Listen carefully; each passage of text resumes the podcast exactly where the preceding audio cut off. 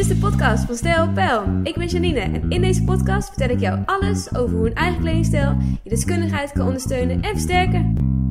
Hey, hallo lieve luisteraar, wat leuk dat je weer luistert.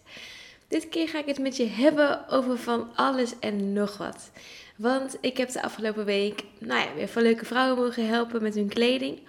En dat is ook eigenlijk wat mij het meeste drijft. Vrouwenkleding, maar ook de leuke gesprekken. De goede gesprekken over van alles en nog wat. Uh, wat iemand bezighoudt, wat hij graag uit wil stralen, waar hij zit in zijn business, uh, waar ze tegenaan loopt. Uh, ook op werk- en privébalansgebied. Alles heeft met elkaar te maken natuurlijk. En dit bracht mij op het idee om um, eigenlijk wat meer in te gaan duiken op vrouwelijke en mannelijke energie in deze podcast. En misschien denk je nu, hoe kom je daar nou weer op? Ja, dat is een goede. Want ik heb zelf namelijk gemerkt dat de mode en de trends, maar ook je eigen stijl, allemaal van invloed is op de vrouwelijke en de mannelijke energie. Want uh, wanneer we ons staande moeten houden in een maatschappij waarin we best wel, uh, nou ja, wat op ons bordje krijgen, dan zijn we als vrouw heel snel geneigd om ons in de mannelijke energie te kleden. Dus, uh, nou ja, inderdaad wat ik vorige keer al zei over de schoudervulling.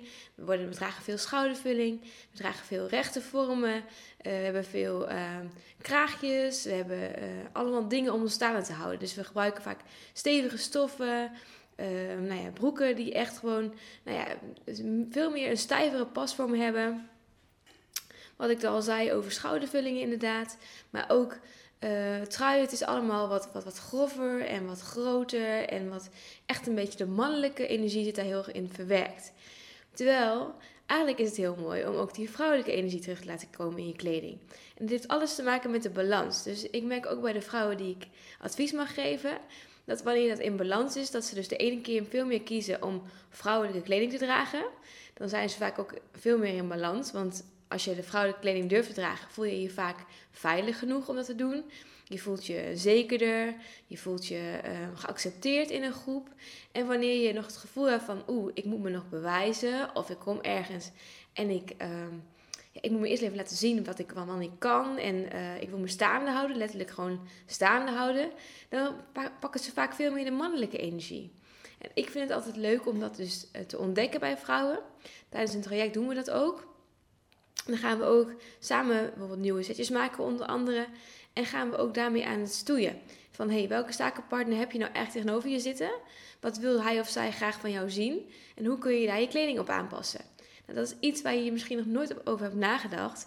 Maar dit heeft ook allemaal te maken met kleding. Want wanneer iemand met jou om uh, tafel gaat, zeg maar, je krijgt een afspraak. Um, iemand zegt van hey, ik wil graag met jou even om tafel. Ik wil van jou weten um, nou ja, wat jij voor mij kan doen dan is het heel belangrijk om ten eerste even in te tunen op wat hij of zij wil. Wat voor bedrijf die heeft. Dat doe je waarschijnlijk sowieso al. Je gaat kijken wat voor website hij of zij heeft. Uh, wat hij of zij doet. Uh, en wat je eigenlijk daarvoor kunt betekenen. Dus je gaat je een stukje aanpassen. Maar wat ik altijd bij kleding heel belangrijk vind, is dat je dus ook jezelf heel erg blijft in de kleding die je draagt. En dat jij dus ook gaat uh, want voor gaat bedenken, hey, hoe wil ik mij voelen op die afspraak? Dus wil ik juist die vrouwelijke kant laten zien? Want denk ik dat ik met mijn vrouwelijke kant juist heel veel kan bereiken bij deze klant? Heeft hij of zij juist die vrouwelijke energie nodig om verder te komen in het bedrijf? Of is het iets waarvan ik denk: hé, hey, ik uh, ben van mezelf al heel vrouwelijk. Ik moet hier juist even mijn mannelijke kleden. Of althans, niet meteen natuurlijk uh, heel vormloos en niet als jezelf. Maar moet je misschien wat meer mannelijke energie toevoegen in je kleding. Waardoor jij dus uh, de juiste eerste indruk kan maken. En jezelf dus letterlijk staande houdt. Nou, hoe kan je dat dan doen? Ik zeg altijd van tevoren even induiken in het hele proces, dus in het hele geheel. Waar vragen ze je voor? Wat uh, willen ze graag dat jij voor hen of haar gaat betekenen? Of er komt de kant van jou af? Uh, of komt het zeg maar van jou af dat jij dus uh, hebt bedacht van... hé, hey, ik wil heel graag met jou om tafel. En dit is eigenlijk wat ik voor jou kan betekenen. Dus dat je daar al een beetje op afstemt. En dat jouw kleding hierbij dus een stukje extra bijdraagt. En ik hoop dat ik het juist en uh, op een goede manier overbreng. Want dit heeft alles te maken met wat jij van jezelf wil laten uitstralen. Wat jij van jezelf wil achterlaten. Dus um, wanneer je mij voor de eerste keer ziet, dan hoop ik dat jij de Janine ziet die je ook krijgt tijdens het traject. Dan hoop ik dat jij ook de Janine ziet die um, de kennis in huis heeft om jou te kunnen helpen. Um, en ik ben daar dus echt wel mee bezig. Het is ten eerste altijd heel erg fijn als ik mezelf kan levelen. Dus de allereerste keer dat iemand met mij in contact komt, dan ben ik altijd natuurlijk mezelf. Maar ik ga me kleden op de. Ehm, ik hou wel een klein beetje rekening in waar ga ik naartoe. Dus wanneer ik iemand al ken, ga ik gerust in de spijkerbroek, want dat levelt juist heel goed. Ehm, maar wanneer ik dus bijvoorbeeld denk, hé, hey, deze vrouw of deze man, die uh, ken ik nog niet zo goed, dan kleed ik me natuurlijk op een andere manier en ga ik niet in mijn spijkerbroek, maar ga ik juist even uh, iets aandoen waar ik me ten eerste, het allerbelangrijkste, heel goed in voel. Dat is altijd met level nummer 1, vraag nummer 1. Dus voel ik mij heel goed in deze outfit? Uh, ben ik mezelf daarin? Dus uh, draagt de kleur bij aan wat ik wil uit wil stralen? Voel ik me ook goed in die kleur vandaag? is het de stijl die ik uit wil dragen? Is het mijn eigen authentieke, authentieke stijl? Past deze stijl ook bij het bedrijf? En is dit waar ik me eigenlijk wel de hele dag goed in blijf voelen? En soms kan een kleine verandering daar al heel veel uh, aan veranderen. Denk bijvoorbeeld aan andere schoenen. Denk bijvoorbeeld aan een ketting die je even erbij draagt of eraf haalt. Uh, denk aan een sjaal die je omknoopt in een bepaalde kleur. Um, maar denk ook even aan je haardracht. Want vaak wordt dit heel vaak vergeten. Maar wanneer jouw kleding dus helemaal goed uh, bij jou past, waar jij blij van wordt. En jij, jij denkt, hé, hey, dit is helemaal oké voor vandaag. Dan kan jouw haar ook heel bepalend zijn voor dit effect.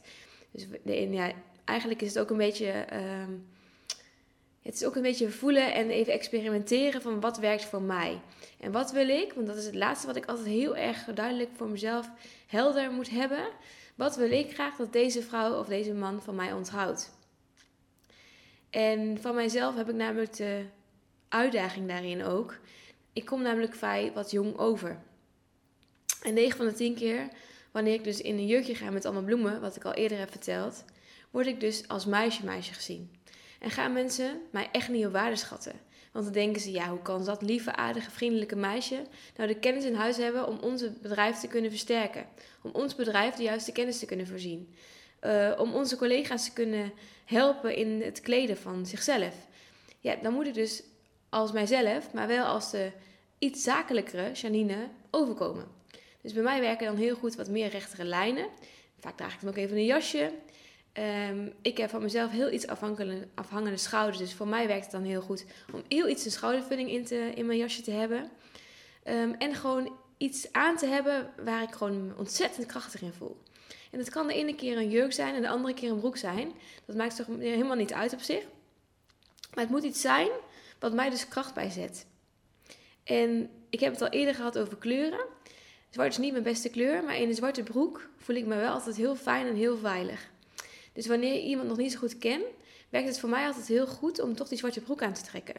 En daar mag gerust een gekleurd jasje op, daar mag gerust een gekleurde blouse op, daar mag gerust um, ja, een print op, maakt niets uit. Maar wanneer ik me dus heel erg veilig en heel zeker voel in die zwarte broek, zet die zwarte broek mij dus kracht bij.